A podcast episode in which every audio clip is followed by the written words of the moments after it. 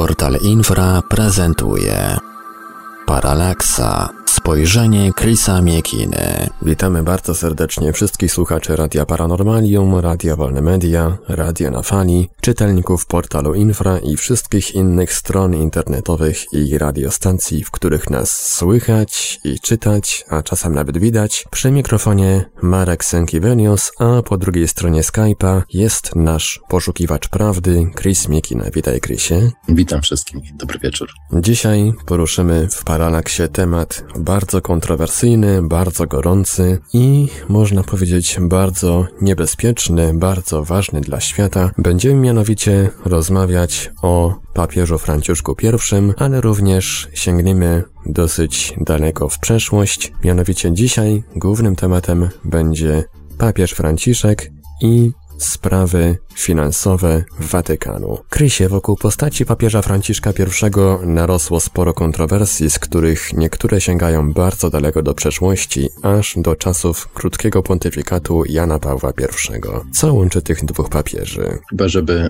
zrozumieć papieża Franciszka i ten jego taki fenomen w Watykanie, który stworzył w tej chwili swoją własną osobą, no należy właśnie cofnąć się do elekcji kardynała Albino Lucianiego, który został papieżem Janem Pawłem I, ale jego pontyfikat nie trwał zbyt długo, bo zaledwie 33 dni.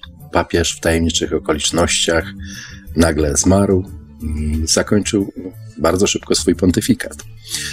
Okoliczności tej śmierci y, zazwyczaj są kojarzone z tym, że papież, właściwie celem papieża Jana Pawła I było zreformowanie Banku Watykańskiego i oczyszczenie go z ludzi, e, których niektórzy uważali za bardzo radykalnych masonów. A jak wiadomo z historii, masoneria z kościołem nigdy nie, nie miała po drodze. Obie te organizacje zawsze się w jakiś sposób zwalczały, usiłowały mieć na siebie y, jakiś wpływ albo usiłowały siebie nawzajem zdominować. I w przypadku Banku Watykańskiego wiele osób uważa, że został on zdominowany przez masonów z loży Grand Orient. No i teraz y, nadszedł Franciszek po papieżu naszym polskim papieżu Jana Pawle, Janie Pawle II i Benedykcie XVI pojawił się Franciszek, który jest w jakiś sposób kontynuatorem tego, co rozpoczął Jan Paweł I. I łączy tych obu papieży w sumie bardzo wiele, bo nawet łączą ich upodobania do prostoty i taka obojętność na te pokusy świata. Na przykład, kiedy Jan Paweł I został wybrany y, na papieża, y, w ogóle nie używał limuzyny i starał się ciągle po Rzymie poruszać na rowerze. I to w jaki sposób y, łączy się z podejściem do, do przepychu czy do wygody przez Franciszka, który także nie żyje wystawnie, przeciwieństwie na przykład do Benedykta, też uwielbia prostotę i na przykład po konklawę, kiedy został wybrany papieżem, kiedy wszyscy kardynałowie e, wreszcie wyszli na zewnątrz, po prostu wsiadł ze wszystkimi do autobusu i odjechał tym autobusem na swoją kwaterę. Także mm, to w jakiś sposób pokazuje pewien taki rys charakteru obu tych, obu tych ludzi, których łączy znacznie więcej niż tylko to miłowanie prostoty. Właśnie ten Bank Watykański i pieniądze, bo nie, zawsze kiedy nie wiadomo o co chodzi, chodzi właśnie o pieniądze. Ten Bank Watykański jest właściwie w tej chwili w całym e, centrum, myślę, polityki papiestwa i tego, w jaki sposób e, papiestwo dalej będzie rozwijać się no, w przyszłym świecie. Nie wiadomo, czy globalnym, czy jaki on będzie. Papież musi znaleźć swoją nową pozycję, musi oczyścić przedpole i papież Franciszek uznał, że to, czego musi zacząć, to musi zrobić to samo, co y, zrobił papież y, Jan Paweł I, czyli zaczął y, po prostu od banku, Banku Watykańskiego. Wiele wskazuje na to, że Franciszek gruntownie zapoznał się ze sposobem, w jaki prowadzony jest ten bank i w sumie w szczegółach wie o przeprowadzanych w imieniu Watykanu najrozmaitszych transakcji finansowych, najrozmaitszych systemach finansowych i naj, naj, najrozmaitszych punktach świata.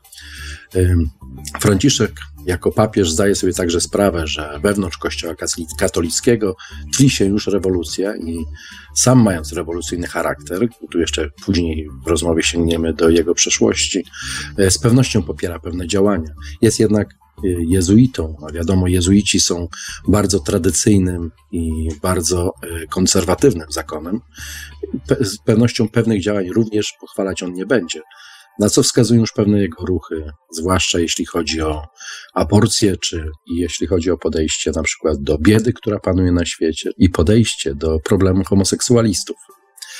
Jednak tą pierwszą ważną, istotną decyzję, jaką podjął, podjął ją zupełnie było bez rozgłosu, było usunięcie watykańskich kontrolerów i audyt, audytorów Banku Watykańskiego, którzy byli w większości Włochami, i zastąpił ich takim międzynarodowym ciałem, w którego skład wchodzi nawet jedna kobieta. Wróćmy jeszcze na chwilę do śmierci Jana Pawła I.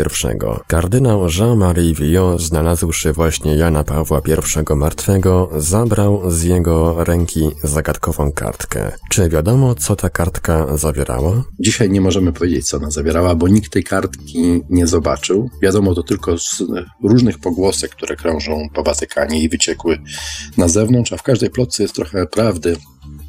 A sam kardynał Villot był y, sekretarzem poprzedniego papieża, Pawła VI, i został on także sekretarzem Jana Pawła I, y, dopóki tamten nie stworzył sobie y, swojego własnego zespołu.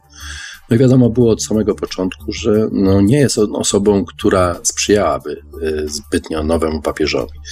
Chodzą również po Watykanie pogłoski, że był on, sam on był on członkiem właśnie loży masońskiej, tej słynnej włoskiej loży P2G, i właśnie ta legenda, taka o tym dokumencie, który jakoby trzymał w rękach Jan, Jan Paweł I, polega na tym, że Vio został wezwany do pokoju papieskiego. Kiedy wszedł do środka, papież Jan Paweł I już był martwy, natomiast ściskał w rękach jakąś kartkę i Wielu ludzi uważa, że, którzy znają ten temat, uważa, że na tej kartce byli napisani, była stworzona taka lista ludzi, którzy byli związani z najrozmaitszymi machinacjami bankowymi, które uwikłany był Bank Watykański.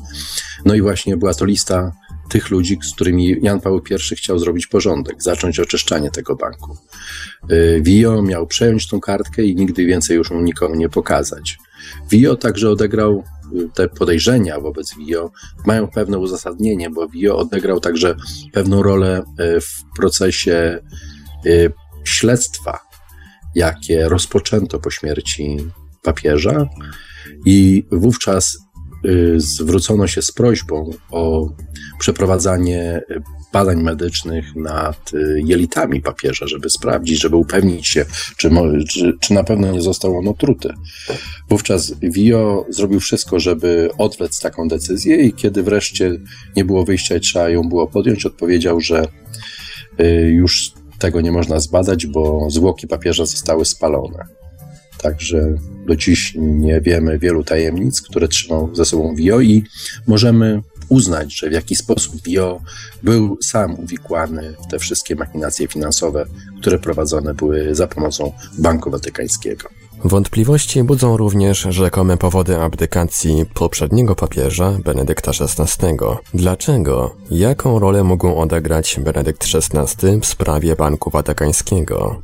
To pytanie dlaczego jest bardzo, bardzo nurtujące i można jedynie spekulować dlaczego Benedykt XVI abdykował. A wiadomo, że jest to wydarzenie bez precedensu. Do tej pory tylko jeden papież zrobił to w całej historii, długiej, długiej y, historii papiestwa.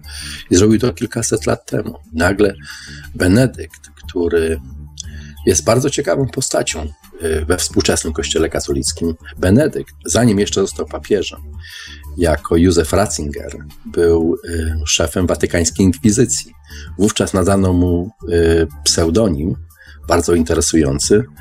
Y, nazwano go Rottweilerem Pana, Pana Boga, dlatego że był absolutnie nieprzejednany w swoim podejściu do religii katolickiej no i był autorem wielu klątw rzuconych na jakichś progresywnych myślicieli w łonie Kościoła katolickiego.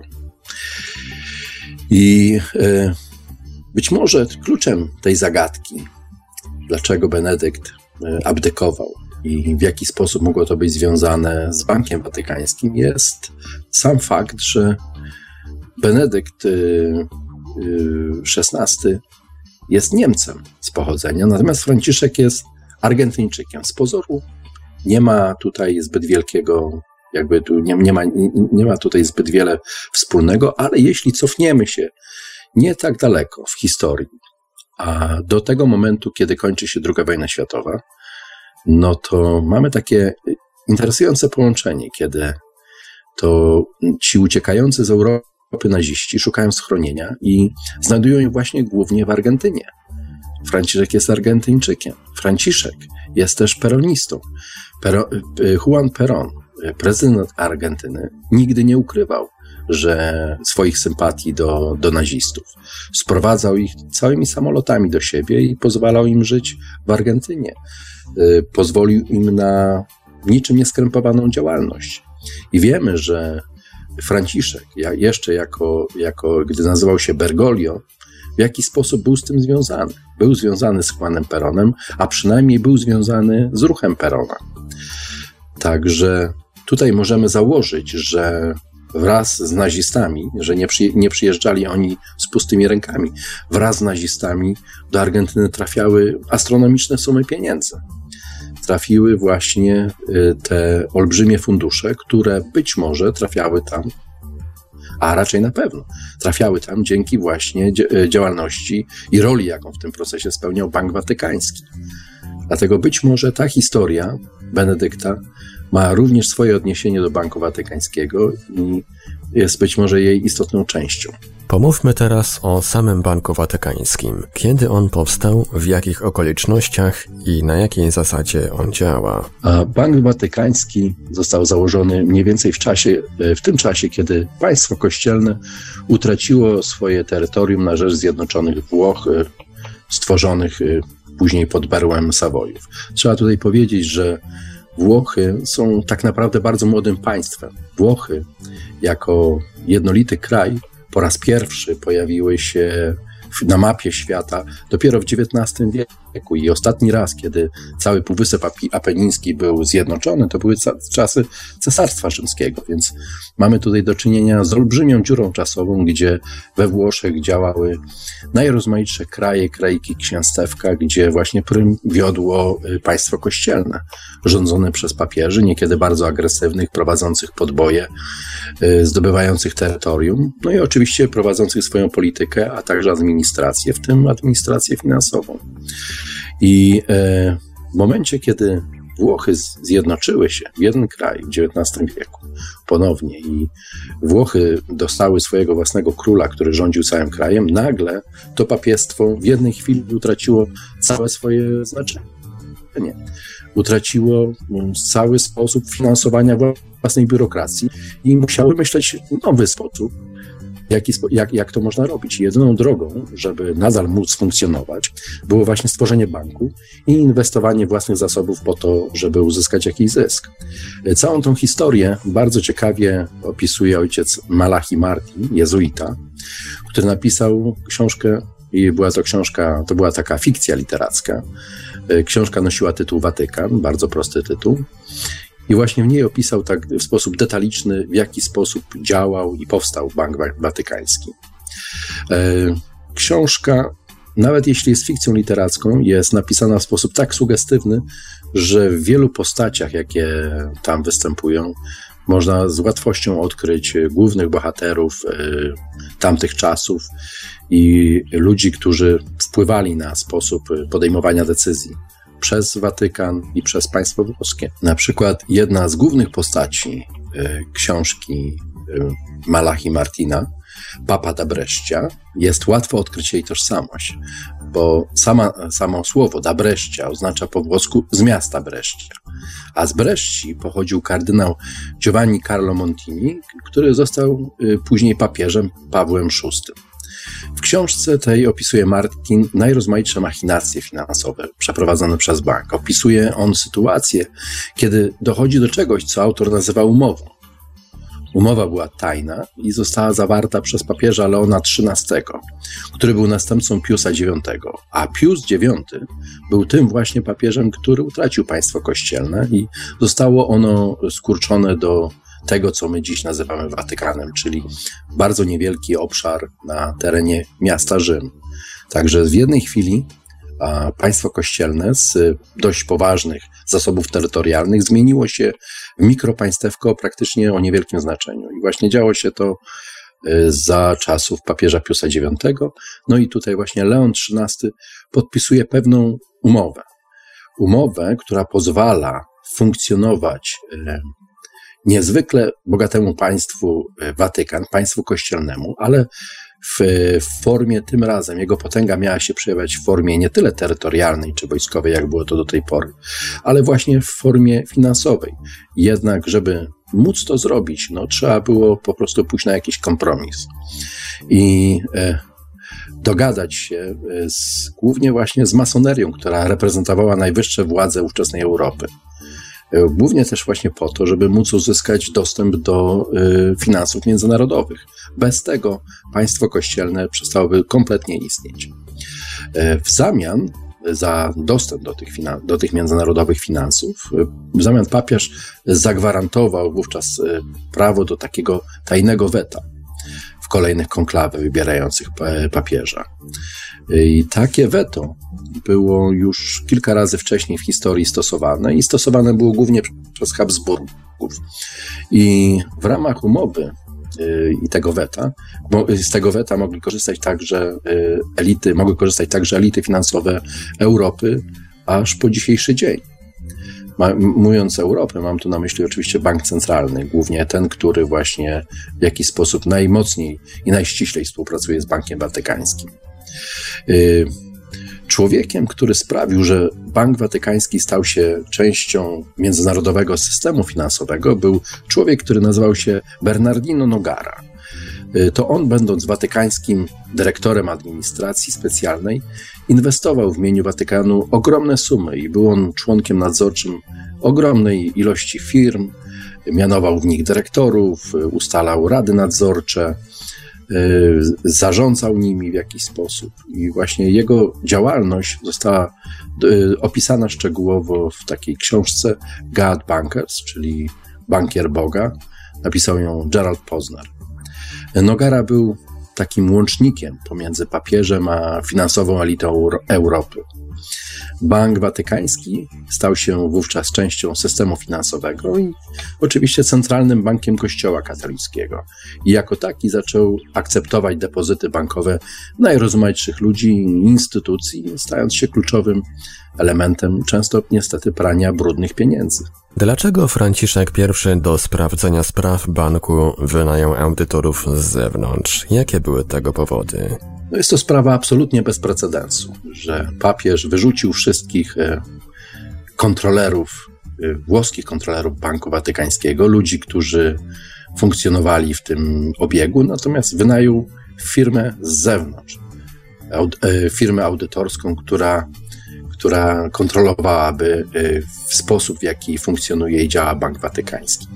Jest to coś niezwykle interesującego i, i też zaskakujące jest to, że odbywa się to absolutnie bez rozgłosu, że to, co być może było przyczyną śmierci Jana Pawła I przez już kilka lat, yy, dzieje się na naszych oczach i jakoś Franciszek unika tego właśnie zderzenia z tą niebezpieczną i mroczną siłą, która właśnie Jana Pawła I yy, wyeliminowała kompletnie z tej, z tej gry. Yy, wybierając swoich zewnętrznych audytorów, Franciszek y, nie wybrał też, również nie wybrał przypadkowych ludzi, bo zdecydował się zatrudnić firmę, która zajmuje się zawodowo y, takimi sprawami i wybrał bardzo znaną firmę Ernst Young z Londynu. I jest to absolutnie wydarzenie bez precedensu, bo żeby w jakiś sposób to porównać, żeby móc zrozumieć, na czym polega ten fenomen i ewenement tego, tej decyzji Franciszka, to jest mniej więcej coś takiego, jakby Federalna Rezerwa, amerykańska Federalna Rezerwa, która, jak wiadomo, nie jest y, ciałem państwowym, nie należy do Stanów, jest bankiem prywatnym, jest absolutnie bankiem prywatnym. Y, ta firma również To jest, to jest mniej więcej taka sytuacja, jakby ta Federalna Rezerwa Amerykańska również byłaby kontrolowana przez właśnie jakichś tam zewnętrznych audytorów, co jest absolutnie nie do pomyślenia, przynajmniej tutaj, tutaj w Stanach. Także tutaj, y, Franciszek wybrał Ernst Young, firmę znaną, firmę szacowną, y, która między innymi jest także audytorem takich znanych y, innych firm, które zajmują się finansami w najrozmaitszym sensie, jak na przykład firmami ubezpieczeniowymi typu Lloyd of London, a także firma ta jest audytorem Bank of International Settlements. Jest to bardzo interesująca organizacja, bo ten BIS, jak tak, tak ją teraz będę nazywał, Bank of International Settlements, BIS jest dzieckiem stworzonym jeszcze przez ministra finansów III Rzeszy Hjalmara Szachta. Bank ten został stworzony w celu wypłacania reparacji wojennych aliantów i do dziś ma on status eksterytorialnej niezależności, co jest następnym fenomenalnym ewenementem, nieznanym na żadną inną skalę. Jego kwatera główna mieści się w Szwajcarii. Policja szwajcarska nie może wkroczyć na teren banku bez specjalnej zgody tego banku. Y, pocztę, jaką wysyła się z tego banku, jest to poczta dyplomatyczna, więc nie podlega najmniejszej żadnej kontroli. Także jego status jest niesamowicie zagadkowy i wręcz fascynujący. No i imię tego banku pojawia się przy okazji najrozmaitszych y, historii, które wydarzają się w polityce europejskiej po II wojnie światowej, gdzie gdy nie wiadomo o co chodzi, to wiadomo jak zawsze chodzi o pieniądze i tam pojawia się właśnie PiS. I przy tej okazji następną rzecz, niezwykłą rzecz, jaką zrobił Franciszek, to jest to, że ogłosił, że Bank Watyka Watykański nie będzie utrzymywał kont, które nie są bezpośrednio związane z Kościołem katolickim. Jest to absolutnie kolosalna i doniosła zmiana. A to zatrudnienie audytorów z zewnątrz to nie jest jedyna zaskakująca decyzja obecnego papieża. Podobno Bank Watykański nie będzie już utrzymywał kont niepowiązanych bezpośrednio z Kościołem katolickim. Powody ku temu mają być podobno bardzo doniosłe. Oczywiście, bo już wcześniej wspomniałem o tym, że y, Bank Watykański stał na, y, był właściwie narzędziem, dzięki któremu przekazywano olbrzymie sumy nazistów właśnie z Europy do na przykład Argentyny, bo jak wiadomo, Bormann, który uniknął kary, nie został złapany po zakończeniu wojny, pod własnym nazwis nazwiskiem y, otworzył sobie konto w Buenos Aires, gdzie na koncie miał miliard dolarów, olbrzymie pieniądze. A wiadomo było, że te, wiadomo jest dziś to, że Bormann założył nie tysiące, założył dziesiątki tysięcy firm i założył dziesiątki tysięcy instytucji, stworzył niesamowitą sieć finansową, której, która w jakiś sposób usiłowała uprać te pieniądze trzeciej, trzeciej Rzeszy. Także y, y, rolę, jaką odegrał tutaj Bank Watykański, no trudno, trudno przeceniać. Także to jest jeden problem Banku Watykańskiego. Drugi problem no to jest taki, że Bank Watykański stał się narzędziem CIA i na przykład dziś jest, to nie jest pogłoska czy plotka, wiadomo jest, że CIA e, przesyłało olbrzymie sumy pieniędzy w 1948 roku, które miały e, pomóc e, w, w czasie wyborów we Włoszech, pomóc w tym, aby komuniści nie doszli do władzy. Bank Watykański brał także pieniądze uzyskane z ograbiania rozmaitych krajów II wojny światowej.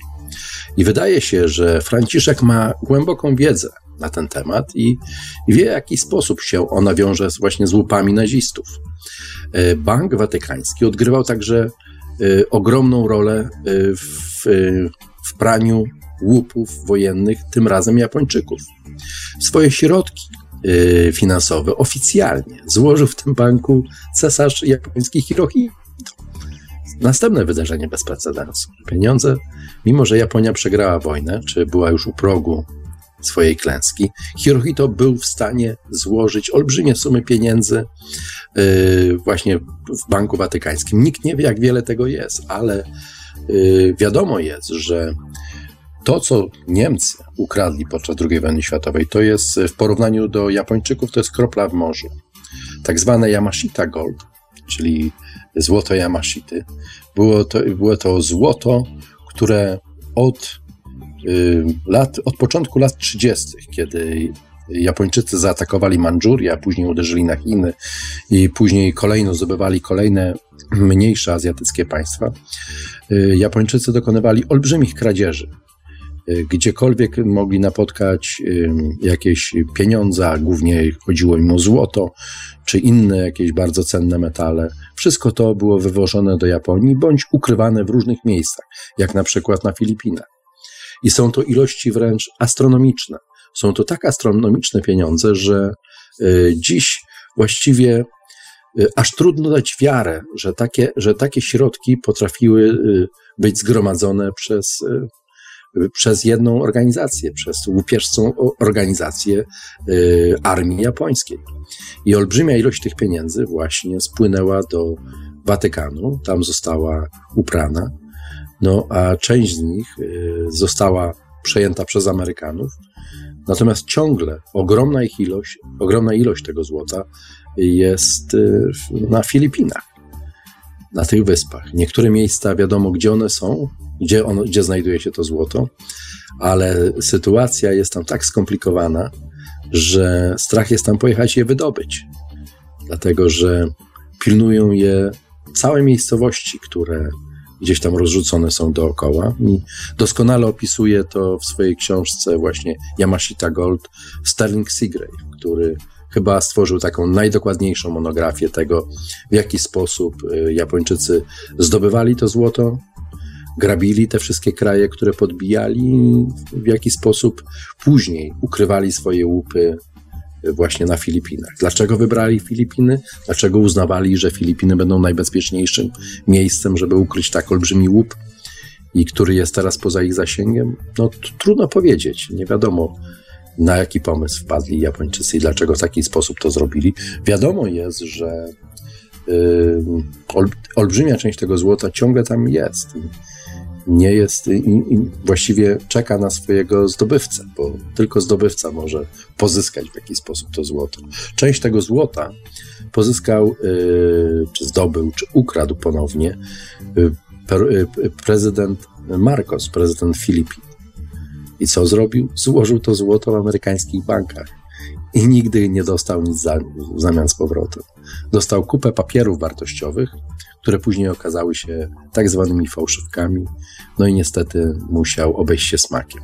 A później niestety skończył swoje rządy, bo wujek sam mu w tym pomógł. A co łączy Bank Watykański z wybuchającymi co jakiś czas aferami finansowymi, między innymi skandalami obligacyjnymi? Właśnie jest to jedna z takich bardziej tajemniczych y, historii związanych z Bankiem Watykańskim, a jednocześnie związanych w ogóle ze światowym systemem finansowym. finansowym. E, machinacje tego Banku Watykańskiego łączą się e, z co jakiś czas właśnie z tymi wybuchającymi skandalami obligacyjnymi. Który, e, i, I to, co jest charakterystyczne w tych skandalach, jest to, że za każdym razem dotyczą one olbrzymich ilości pieniędzy. Są to miliardy, miliardy dolarów. Na przykład w 2009 roku dwóch Japończyków chciało zdeponować e, w Banku Watykańskim 134 miliardy dolarów. I były te, te pieniądze były w obligacjach państwowych gwarantowanych przez rząd y, amerykański. Obligacje uznano za fałszywe, Japończyków aresztowano. W 2012 roku władze włoskie aresztowały posiadaczy amerykańskich, znów amerykańskich obligacji rządowych, tym razem na sumę 6 bilionów dolarów. Nie miliardów, bilionów. Także o jedno zero więcej. Y, ludzie ci zamierzali za gotówkę, którą mieli uzyskać ze sprzedaży tych obligacji, zamierzali kupić nielegalnie pluton z Nigerii. Y, nie tak dawno, w 2014 roku, aresztowano Amerykanina i Holendra, którzy znów w Banku Watykańskim usiłowali zdeponować y, znów amerykańskie papiery wartościowe opiewające na sumę ponad 4 bilionów dolarów. Złapani tłumaczyli się, że mają umówione spotkanie z ważną osobistością z banku, jednak po sprawdzeniu okazało się, że nikt taki nie jest z tym bankiem związany. Ci złapani ludzie mieli przy sobie papiery wartościowe opiewające na miliard dolarów każdy. Każdy jeden dokument był wart miliard dolarów. I oczywiście zapytano o te papiery wartościowe amerykański Departament Stanu, ale tam im odpowiedziano, że obligacje o takiej wartości nigdy nie były przez rząd amerykański emitowane. Skandale związane ze złotymi bondami wydarzają się z zadziwiającą regularnością. W 2010 roku w Hiszpanii aresztowano kolejnych dwóch osobników, którzy posiadali obligacje opiewające na łączną sumę 2 bilionów dolarów. I wśród tych papierów wartościowych, jakie przy nich znaleziono, były certyfikaty wypłacane w złocie na łączną sumę 10 milionów dolarów, połączone ze sobą, co ciekawe, klamrą, taką metalową klamrą, spinką, na którym było wybite logo banku JP Morgan. Mamy więc do tej pory y, do czynienia z co najmniej czterema przypadkami zatrzymania ludzi posiadających obligacje opiewające na astronomiczną ilość pieniędzy. I wszystkie były emitowane przez amerykańskie instytucje finansowe. Ale rząd amerykański wyparł się, że kiedykolwiek je emitował. I dlatego uznano je za fałszywki. Tu jednak pojawia się pytanie, jaki fałszerz wpadłby na pomysł podrabiania środków finansowych, które nigdy nie istniały i nie były w cyrkulacji. To jest mniej więcej tak, jakby ktoś próbował wprowadzić do obiegu banknot na przykład o nominale 17 zł. Na dodatek podjęto próbę wypłacenia umieszczonej na, na nich wartości nawet za, znaczną, za znacznie zaniżoną cenę. Kto jest więc w stanie kupić miliardy obligacji, żeby na nich zarobić? Tak więc chyba nie było to oszustwo w tradycyjnym tego słowa znaczeniu. Być może te papiery wartościowe rzeczywiście reprezentują fizyczny instrument pozwalający kontrolować szlaki poruszania się środków płatniczych, które nie są oficjalnie nigdzie zaksięgowane i należą do ukrytego systemu finansów. I ten ukryty y, system finansów powstaje właśnie wraz z przejęciem przez Stany Zjednoczone części e, skradzionego przez Japończyków złota, o których mówiłem wcześniej.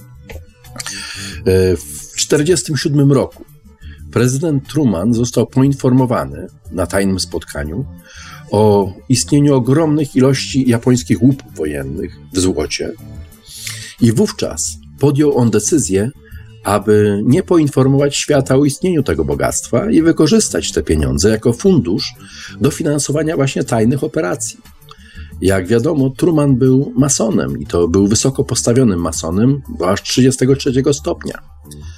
E, kapitałem tym y, miał zarządzać y, Komitet Bezpieczeństwa Narodowego. Oznacza to, że pieniądze, że decyzja Trumana o wykorzystaniu tych pieniędzy z japońskiego łupu wojennego yy, spowodowała wprowadzenie amerykańskiego aparatu wywiadowczego bezpośrednio do systemu bankowego, czego efektem mamy do dziś.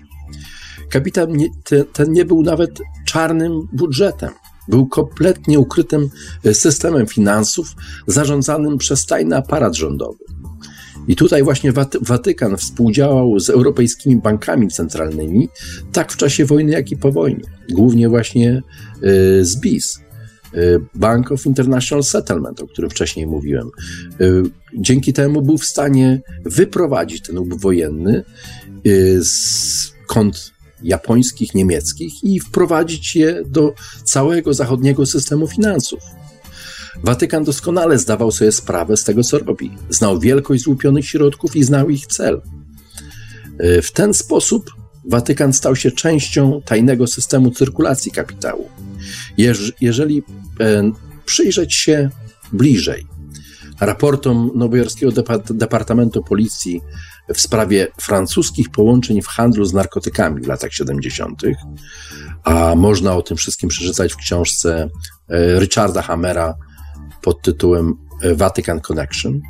Richard Hammer był człowiekiem, który bezpośrednio brał udział w walkach z handlarzami narkotyków. Był on detektywem z Nowego Jorku.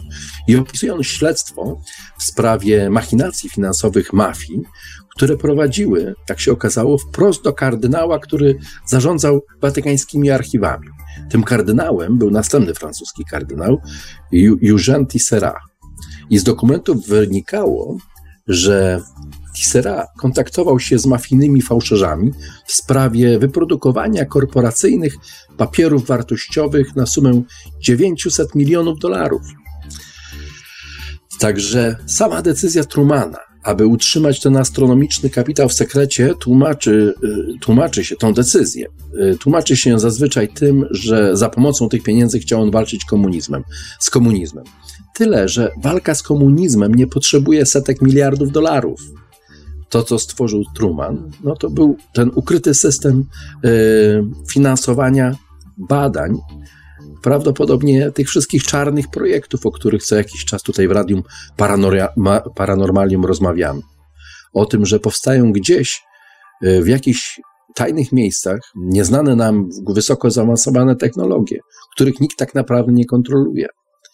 Bo tylko coś takiego potrzebuje ogromnych sum, pieniędzy, ale także potrzebuje supertajności. A wiadomo, jeżeli zaksięgować gdziekolwiek te pieniądze, zawsze będzie jakiś aparat, który będzie kontrolował i wychody, y, przychody i rozchody. I wówczas system y, czy przedsięwzięcie przestanie być tajne. Nawet amerykański kongres, który teoretycznie dozoruje czarne projekty, nie ma o istnieniu tych pieniędzy żadnego pojęcia. Jeżeli e, trzeba na przykład zbudować tajne instalacje gdzie głęboko pod ziemią, a może nawet i całe miasta pod ziemią, jak zdobyć fundusze w sposób niezauważony? Tylko w taki sposób. Jeśli będzie się właśnie korzystać z pieniędzy, o których nikt nie ma pojęcia. I te pieniądze nie są zapisane w żadnych księgach rachunkowych.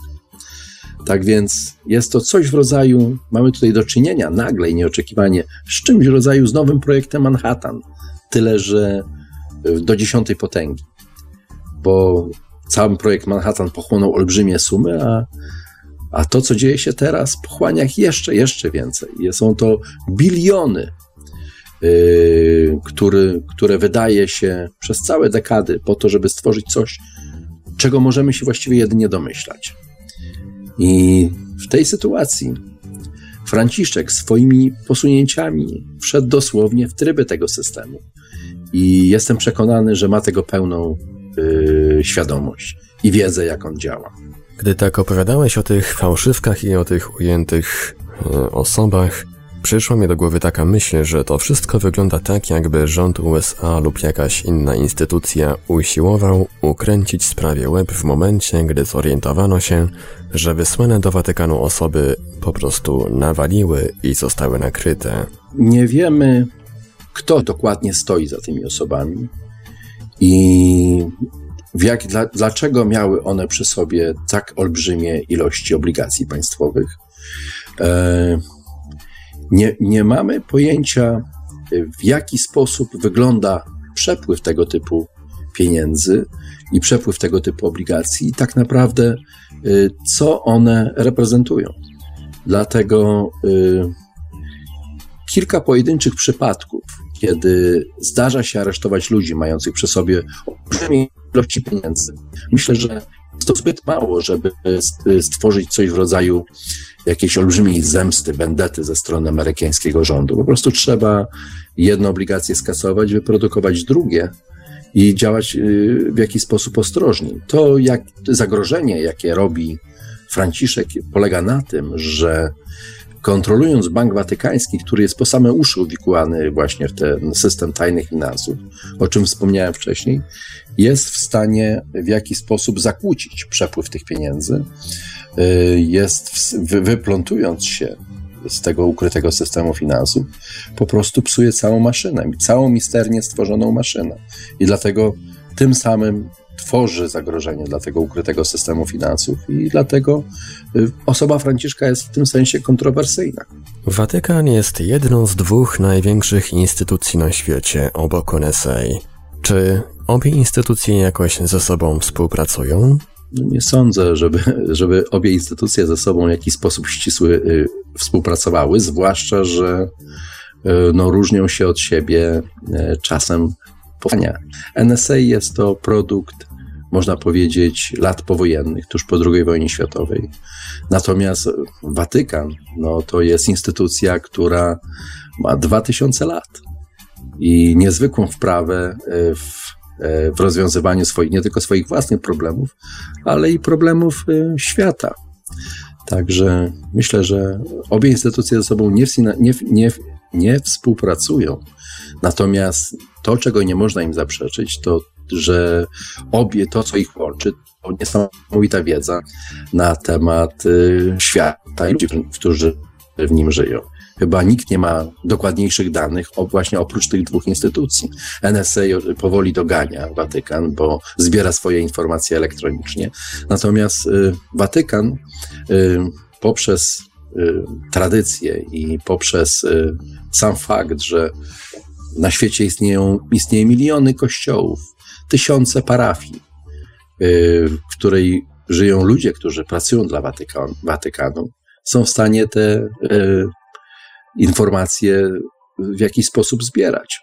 I następne podobieństwo leży w tym, że papież, podobnie jak, jak NSA, które jest reprezentowane przez amerykański rząd, papież ma również niezawisły i suwerenny status dyplomatyczny. I to, co robi on obecnie, to jest y, próba oczyszczenia tego systemu i, stworzenia z niego gwaranta prawdopodobnie przyszłej globalnej waluty. Połączenie religii i pieniędzy jest tak stare jak ludzka cywilizacja i było wykorzystywane przez bankierów przez całą ludzką historię. Właściwie można powiedzieć, że kościoły i religie, świątynie odległej ludzkiej przeszłości powstały właśnie głównie z tego powodu, że były takimi właśnie centrami bankowymi, gdzie dokonywana była wymiana finansowa pomiędzy krajami, które nie miały ze sobą jakiegoś, czy miejscami, czy kulturami, które nie miały, jakiej, nie miały żadnego sposobu na jakąś kompatybilną wymianę swoich, swoich bogactw, które sobie tam nazbierały. Także tej, takie porównanie jest, myślę, że interesujące, ale myślę, że z pewnością obie instytucje y, działają y, z różnych pobudek, natomiast to, co je łączy, to łączy je właśnie umiłowanie do tych pieniędzy. I no i teraz właśnie widząc posunięcia Franciszka w tej dziedzinie, jego drastyczne i poważne kroki, y, które podejmuje, czego przykładem są właśnie ci zewnętrzni audytorzy, których, których zatrudnił do kontrolowania swojego banku, jest on w stanie zdobyć wiedzę na temat głównych nurtów y, przepływu y, gotówki w tym systemie finansowym, w tym ukrytym systemie finansowym. I y, co jest niepokojące, to że tak naprawdę oprócz tego, że, że wiemy, że zatrudnią takich audytorów, nic więcej na ten temat nie wiemy. Około roku 2013 w sprawie Banku Watykańskiego zapadła zastanawiająca cisza. Dlaczego? Myślę, że prawdopodobnie ci audytorzy odkryli bardzo wiele interesujących rzeczy i oczywiście poinformowali oni na ten temat papieża.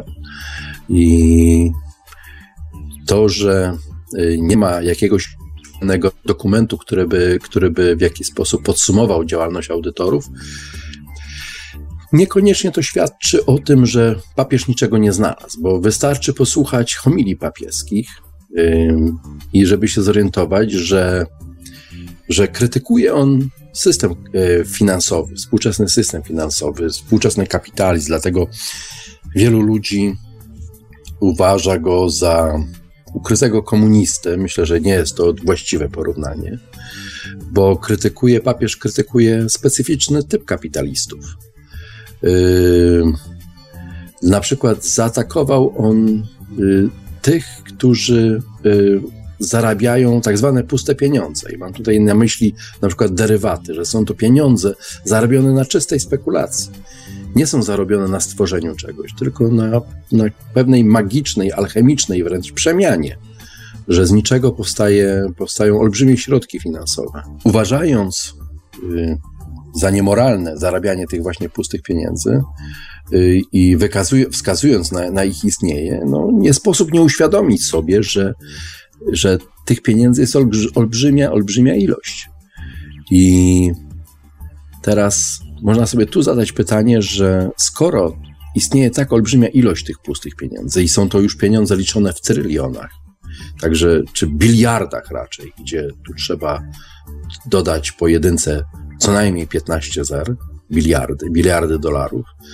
I że teraz y, gdzieś te pieniądze są, są one zainwestowane i teraz yy, taka prosta ekonomia wskazuje, że tak olbrzymia ilość pustych pieniędzy no, doprowadziłaby do rozwalenia równowagi finansowej świata. Mimo wszystko nic takiego się nie dzieje. Nie ma hiperinflacji. I teraz jest pytanie, gdzie są te pieniądze? Co się z nimi stało? I tutaj właśnie być może odpowiedzią na to pytanie jest, że właśnie idą one w przestrzeń kosmiczną i są zabezpieczeniem y, najrozmaitszych zobowiązań finansowych. I stąd właśnie mamy ten wysyp firm kosmicznych, które usiłują y, przeprowadzać różne przedsięwzięcia w kosmosie. Chcą eksplorować asteroidy, o czym rozmawialiśmy zresztą na ostatniej debacie ufologicznej. Chcą tworzyć y, bazy kosmiczne, chcą zasiedlać Marsa nawet czy terraformizować go i stworzyć tam bazy na Marsie. Stworzyć, chcą stworzyć bazy na Księżycu. Także być może jest to to miejsce, gdzie e, dokąd idą te wszystkie pieniądze, które są, które najpierw weszły do tego tajnego systemu finansowego świata, a następnie musiały być gdzieś zainwestowane. I nie widać ich efektu, który wpłynąłby na, na ziemską ekonomię z tego powodu, że są inwestowane właśnie w przestrzeń kosmiczną. Niedawno wypowiedziane słowa Franciszka I o chrzczeniu kosmitów wywołały kontrowersje. Dlaczego? I można zadać jeszcze inne pytanie, po co Watykanowi podbój kosmosu? No to następny e, taki element kontrowersyjny wobec Franciszka. Zobaczmy, papież rządzi zaledwie kilka lat i praktycznie do czego się nie dotknie, no jest to bardzo kontrowersyjne. I o kosmitach już mówił podczas swojej pierwszej homilii, którą wygłosił zaraz po konklawę, które wybrało go na papieża i powiedział wówczas, że jest gotów ochrzcić kosmitów. I oczywiście można uznać to za żart. Tyle, że papieże nie rzucają sobie lekko słów na wiatr. Aby to zrozumieć do końca, myślę, że należy tu wejść w samo znaczenie słowa katolik. Co oznacza to pojęcie? Słowo to pochodzi z greki i we współczesnym tłumaczeniu mniej więcej oznacza kogoś pełnego Ewangelii. I ma to swoje kosmiczne uzasadnienie, dlatego, że każde życie pozaziemskie jest dla Kościoła katolickiego okazją do rozprzestrzeniania tej Ewangelii. Jest to chyba najstarsza tradycja, yy, tradycja religii rzymskokatolickiej. Wystarczy tu popatrzeć na przykład na jednego z największych ideologów yy, Kościoła katolickiego, Tomasza Zakwinu, który spędził wiele czasu i atramentu mówiąc właśnie o życiu po, pozaziemskim i miał on wówczas na myśli anioły. Yy, także yy, pokazuje tutaj to pewien wymiar kosmiczny. Być może że e, papież, mówiąc o kosmitach, miał na myśli wcale nie jakieś tam dziwne stwory z odległych planet, ale miał, miał na myśli ludzi takich jak my, którzy żyją na innych planetach, że wszyscy jesteśmy w jakiś sposób ze sobą spokrewnieni, że wszyscy pochodzimy od Nefilims, od aniołów, jednych, być może od upadłych aniołów. Tak więc kosmici to tak naprawdę my sami a rodzaj ludzki jest znacznie większy niż tylko nasza planeta. E, niejaki Milton Cooper e, z, z osławionej organizacji Majestic 12 e, opisują, opisuje wydobycie kosmity rozbitego z, ze statku kosmicznego obcych i z tych dokumentów wynika, że powinniśmy szukać jakiegoś wyższego pola jedności pomiędzy biologią i fizyką, bo wygląda na to, że ludzka forma nie jest wcale unikalna dla Ziemi. Tak napisał Cooper. Oznacza, że w tym statku kosmicznym, pozaziemskim, był ktoś, kto przypominał nas ludzi. Y, podobne zdanie ma wielu innych naukowców, takich jak Menzel, Bronk, wielu innych, Gaylord Simpson, mówiący o ewolucji. Wszyscy oni uważają, że rodzaj ludzki niekoniecznie jest unikalny tylko dla naszej planety. I papież o tym bardzo dobrze wie. I stąd właśnie to jego wzbudzające kontrowersje oświadczenie, że jest gotów ochrzcić kosmitów, bo kosmici to po prostu my, albo nasi bracia. tacy jak my, żyjący gdzieś indziej, w innej części Układu Słonecznego, czy być może galaktyki. Mówi się, że papież Franciszek I chce się zmierzyć z czwartą Rzeszą. Co powinniśmy rozumieć przez pojęcie czwarta Rzesza i czy Franciszek ma w tym pojedynku w ogóle jakieś szanse na wygraną? O czwartej Rzeszy już wielokrotnie wspominałem w Radio Paranormalium. Jest to właśnie to, e, to ten dziwny twór polityczny i finansowy i bardzo niebezpieczny twór, który powstał po II wojnie światowej, po tym jak trzecia Rzesza upadła i jak się uważa, przegrała drugą, drugą wojnę światową. Tymczasem okazało się, że tak y, olbrzymie środki finansowe III Rzeszy, jak i y, ogromna ilość najrozmaitszych badań naukowych, jakie prowadzono tam na tamtym terenie, wyciekły z Niemiec niekoniecznie trafiły do y, Stanów Zjednoczonych czy do Związku Radzieckiego, a właśnie być może były kontynuowane o własnych siłach, czy o właśnie, czyli o siłach czwartej Rzeszy, która ciągle y, została niepobita i rozgrywa swoją własną y, grę w dzisiejszej polityce. I papież jest częścią tej niebezpiecznej gry. Być może był jej częścią jeszcze w czasach, kiedy mieszkał w Argentynie. Wie on dobrze, że w Watykanie funkcjonują frakcje, które nie myślą, by podążać y, śladem katolickim nauki. Ostrzegał przed tymi ludźmi francuski arcybiskup Lefebvre, który zresztą sam źle skończył. Y, I być może papież Francisz, Franciszek właśnie jest tym, który, który z tą czwartą Rzeszą chce się zmierzyć. Pod koniec II wojny światowej amerykański aparat bezpieczeństwa narodowego ogłosił takie trzyczęściowe określenie zbliżających się problemów.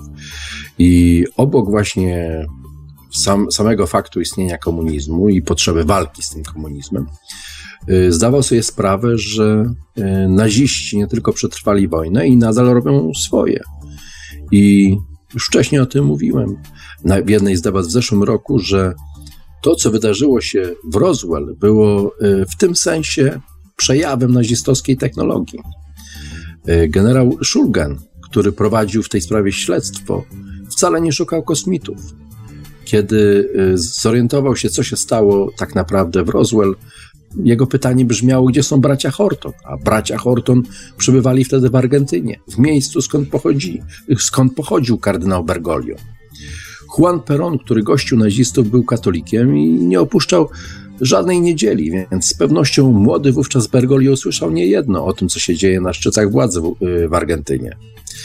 Tym trzecim problemem, y, strategicznym problemem USA jest właśnie y, UFO i demonstracja tego fenomenu, jaka, do jakich demonstracje tego fenomenu, do jakich dochodziło nad, nad amerykańskimi instalacjami strategicznymi. Y, włączanie wyłączanie rakiet balistycznych, zmiany trajektorii, trajektorii lotu tych rakiet. Jest to działanie prowokacyjne, jest to problem bezpieczeństwa narodowego. Co robić w takiej sytuacji? Y, można to ogłosić, albo zwrócić się do ściśle tajnych programów pracujących nad, nad właśnie egzotycznymi technologiami, aby stworzyły coś, co może rywalizować z nieznaną technologią, a przynajmniej ją wykrywać. Jest to zupełnie odłączone od ekonomii i technologii, jakimi żyje nasz współczesny świat. I kluczem do stworzenia takiego systemu są właśnie pieniądze. I to pieniądze pochodzące z łupów III Rzeszy i z kapitału intelektualnego w postaci całych niemieckich instytutów naukowych pracujących po wojnie dla nowego pana. Jest to oczywiście pakt z diabłem, jeśli pomyśleć jeszcze raz przez chwilę na temat tych obligacji, mających swój parytet w złocie, przychodzi do głowy jeszcze inna myśl. Słowo złoto jest również kodem. Na przykład takim słowem kryminaliści nazywają narkotyki. Tak więc papiery, y, te papiery wartościowe, te obligacje są fizycznym wskaźnikiem kierunków, które podążają pieniądze z drugiego obiegu. Oczywiście USA konsekwentnie zaprzecza, żeby kiedykolwiek stworzyła takie papiery wartościowe yy, o tak właśnie wysokim nominale i zdaje się, że mówi prawdę, bo tego typu papiery wartościowe wydaje zazwyczaj rezerwa federalna, która nie należy do USA. Tymczasem co ciekawe, wizerunek zdobiący takie złote y, obligacje to wizerunek Kennedy'ego. Po drugiej stronie znajduje się duży wizerunek księżyca, wahadłowiec i lądownik, który wzlądował na księżycu. I chyba jest to rodzaj takiej wiadomości informujący, że działania w kosmosie mają swoje zabezpieczenie kredytowe. Także teoria o tym, że pieniądze te wypływają w kosmos, być może właśnie ma tutaj w jakiś sposób nie tyle swoje uzasadnienie, ale jest to wskazówka, dokąd te pieniądze idą. Obligacje te mają także y, pieczęć Security Trader Firm. Jest to firma y, ze wschodniej Azji, nazywa się Money World. I y, okazało się później, że Money World jest w ścisłej współpracy z Watykanem. Tak więc y, przestrzeń kosmiczna, inwestycje, jakie dokonuje się w kosmosie, technologie, jakie dokonuje się po to, żeby przedrzeć się w ten kosmos, czy zainwestować w ten kosmos, y, w jaki sposób potrzebują finansów i oczywiście potrzebują zabezpieczeń. I tego typu papiery wartościowe czymś takim właśnie są. Wracając jeszcze na chwilę do tematów kosmicznych, po co papieżowi kolekcja meteorytów? O czego tak naprawdę nikt nie wie, choć z drugiej strony nie od dziś wiadomo, że papieże zafascynowani są przestrzenią kosmiczną. I zaczęło się to od czasów, kiedy, zdaje się, papieża Grzegorza, który e, postanowił popracować troszeczkę nad kalendarzem, bo okazało się, że święta zaczynają przypadać nie w te dni, co trzeba, więc należało kalendarz zreformować. No i zwrócił się on wówczas o pomoc do astronomów, często do ludzi, których y, wcześniej, którzy byli wcześniej ścigani przez Kościół za swoje poglądy. Między innymi y, byli to uczniowie Galileusza. Uczniowie Galileusza tak naprawdę stworzyli pierwszy taki poważny i naukowy instytut astronomiczny właśnie przy Watykanie. Watykan inwestował w najnowsze wówczas technologie y, i bardzo cierpliwie rejestrował wszelkie badania kosmiczne, jakie były prowadzone właśnie pod jego egidą. Między innymi efektem tego jest y, bardzo szeroka, jedna z najlepszych na świecie kolekcja meteorytów, ponieważ y, macki Kościoła katolickiego sięgają w różne rejony świata.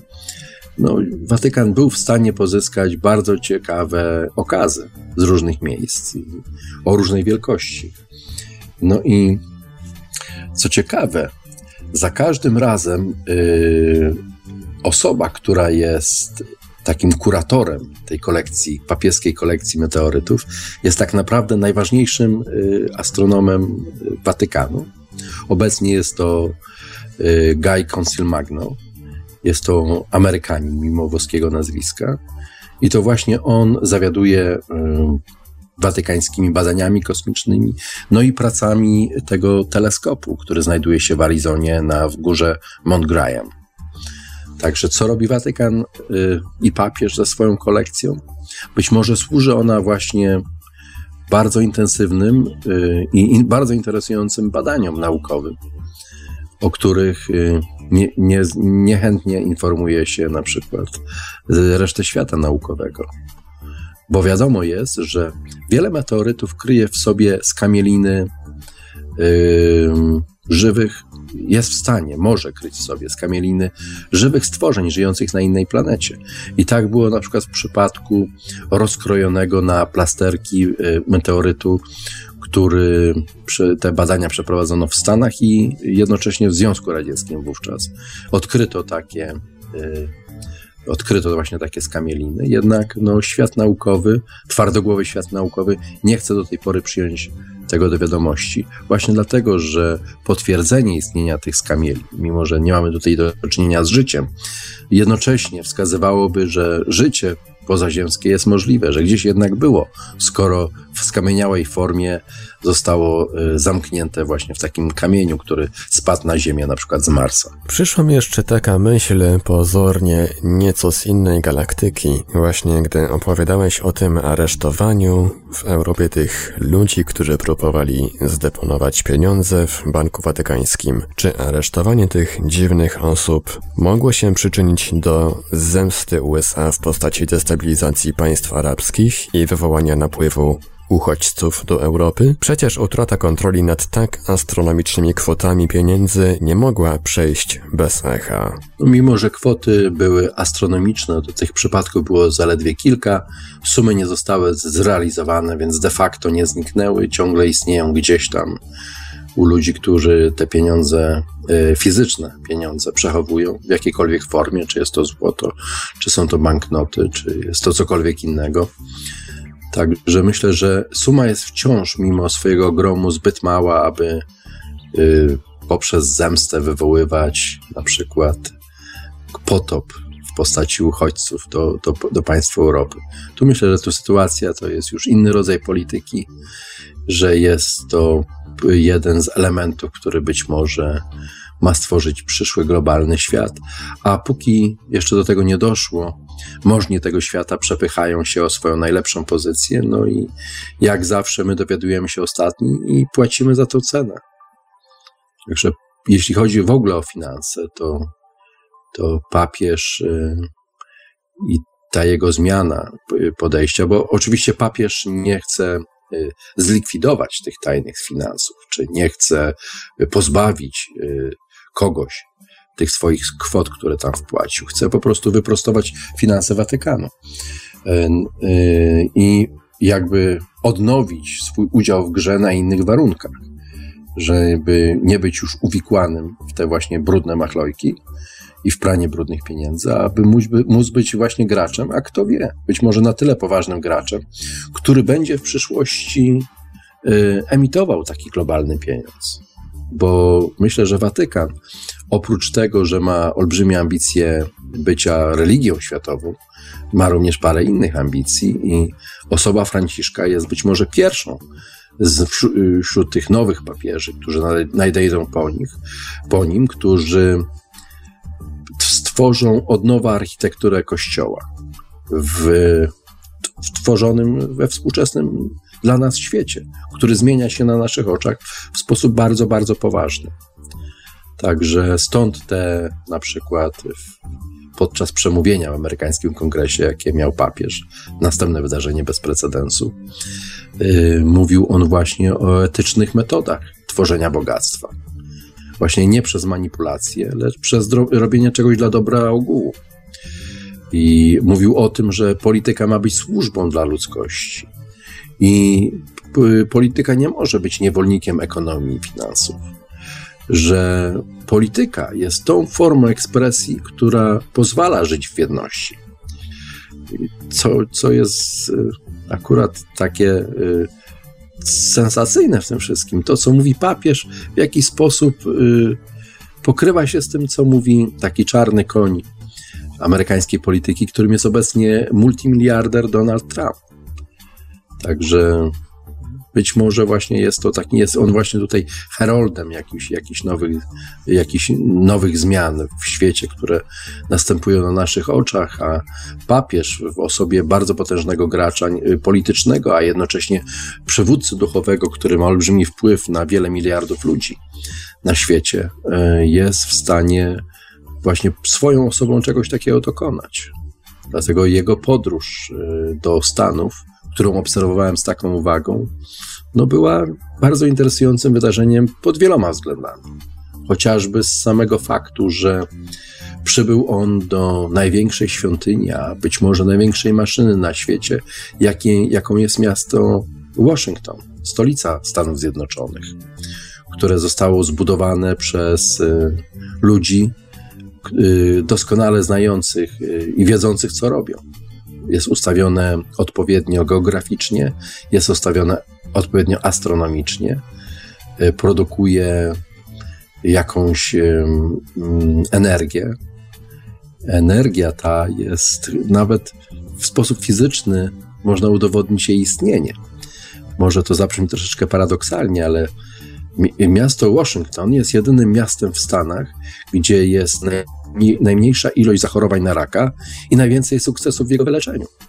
Czyż nie jest to być może właśnie efekt istnienia tego typu energii, która funkcjonuje w ramach niezwykłej kosmicznej maszyny, e, maszyny wielkości miasta, które zostało właśnie zbudowane z premedytacją w taki, a nie inny sposób, po to, aby tą energię wykorzystać. I papież przyjeżdża do tej świątyni i z niej chce właśnie mieć wpływ na świat. I jego pielgrzymka wiedzie przez następne amerykańskie magiczne miasta, jak właśnie Nowy Jork i Filadelfia. I tylko te miasta go interesują. I wszystkie trzy te miasta mają właśnie te silne, magiczne inklinacje, e, masońską historię za sobą i, i, i bardzo interesujące miejsce w ogóle nie tylko w Stanach, ale i w świecie, ze względu na swoje właśnie położenie względem e, tego, co się dzieje we wszechświecie. No i tak na koniec dzisiejszego odcinka Paralaksy, chyba najdłuższego, jakie książki czy artykuły poleciłbyś osobom, które chciałyby zgłębić swoją wiedzę na temat Watykanu i jego tajemnic? Większość książek, z których ja przynajmniej korzystałem, żeby o tym wszystkim Wam dzisiaj opowiedzieć, o tych różnych wnioskach i o tych różnych y, aspektach i bardzo interesującej, często mrocznej historii Watykanu. No już, was, już Wam wspomniałem yy, wcześniej, Także wystarczy jeszcze raz może przesłuchać audycję. Oczywiście no, książka tutaj God's Banker, czyli Bankier Boga y, Poznera jest bardzo interesującą pozycją. Książka, której nie wymieniłem, to jest Operation Gladio i jest to właśnie opowieść o tym, w jaki sposób y, Watykan był uwikłany wraz z CIA y, w najrozmaitsze ciemne, bardzo ciemne y, historie polityczne, które rozgrywały się w, w dwudziestowiecznej Europie i rozgrywają się praktycznie do dziś. Także Watykan był jednym, jednym z graczy. Oczywiście książki niesamowicie interesujące na temat Watykanu to są książki Petera Lavendy, który napisał całą, całą serię książek o tak zwanej Ratline, czyli o tym, w jaki sposób Watykan przerzucał y, nazistów z Europy właśnie do różnych krajów y, południowoamerykańskich. Dzięki temu byli w stanie uniknąć sprawiedliwości. W ogóle Peter Lewenda jest absolutnie niezwykłą postacią. Jeżeli ktoś trafi na jego książkę, czy jakiś film dokumentalny, w którym on bierze udział, jest absolutnie niesamowitą postacią.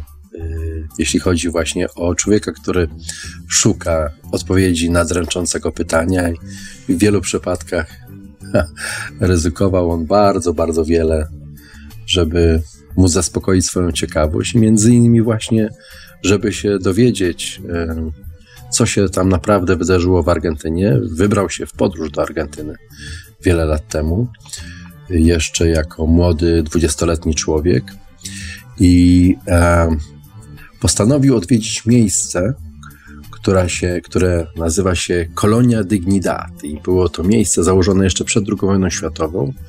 Y, było założone przez kolonię niemiecką, która osiedlała się wówczas w Argentynie.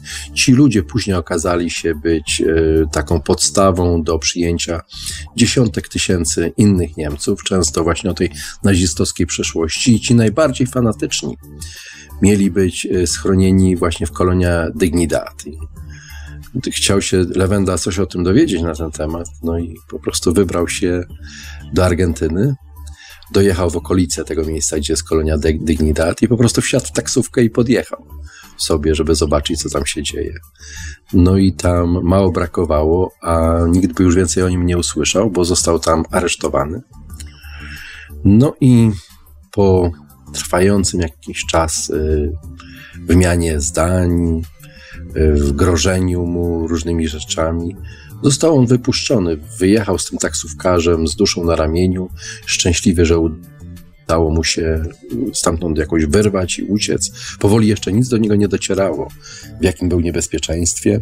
Zaczął nad tym się zastanawiać, kiedy y, wsiadł do autobusu do Buenos Aires i co jakiś czas ten autobus się zatrzymywał, wsiadał patrol policyjny i pytał się, czy jedzie tym autobusem ciągle Peter Lewenda. No, twierdzał, że jedzie, policjanci wysiadali, autobus jechał, jechał dalej do Buenos Aires I bardzo go to dziwiło, że jest tak bardzo pilnowany. Dopiero później, kiedy wrócił do Stanów, zrozumiał, jak bardzo, jak mocno uwikłana jest, y, cały uwikłany jest cały rząd Perona, jego cały administracyjny aparat, plus oczywiście aparat policyjny i wojskowy, właśnie uwikłany jest w nazizm.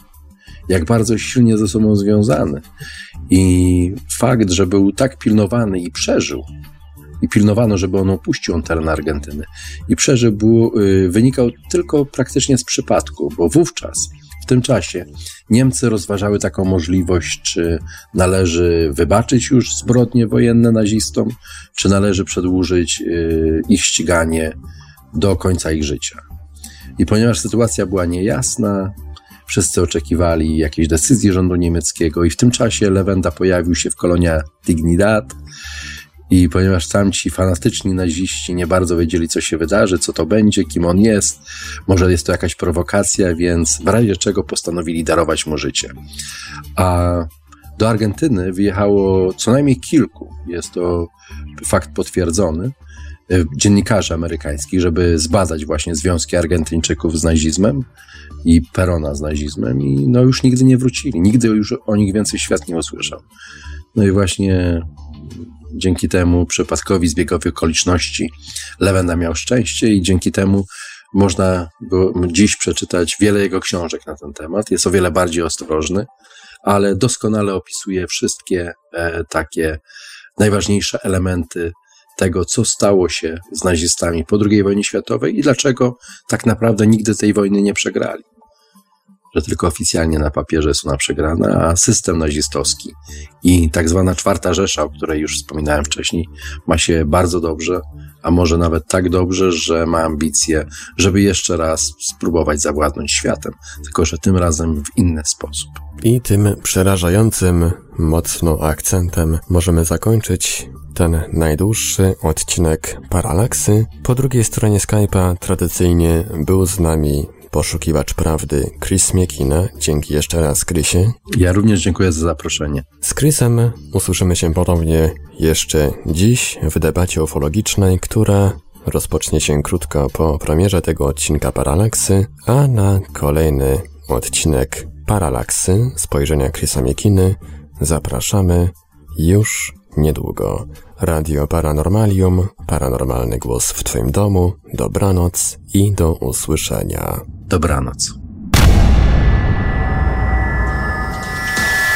Produkcja i realizacja Portal Infra www.infra.org.pl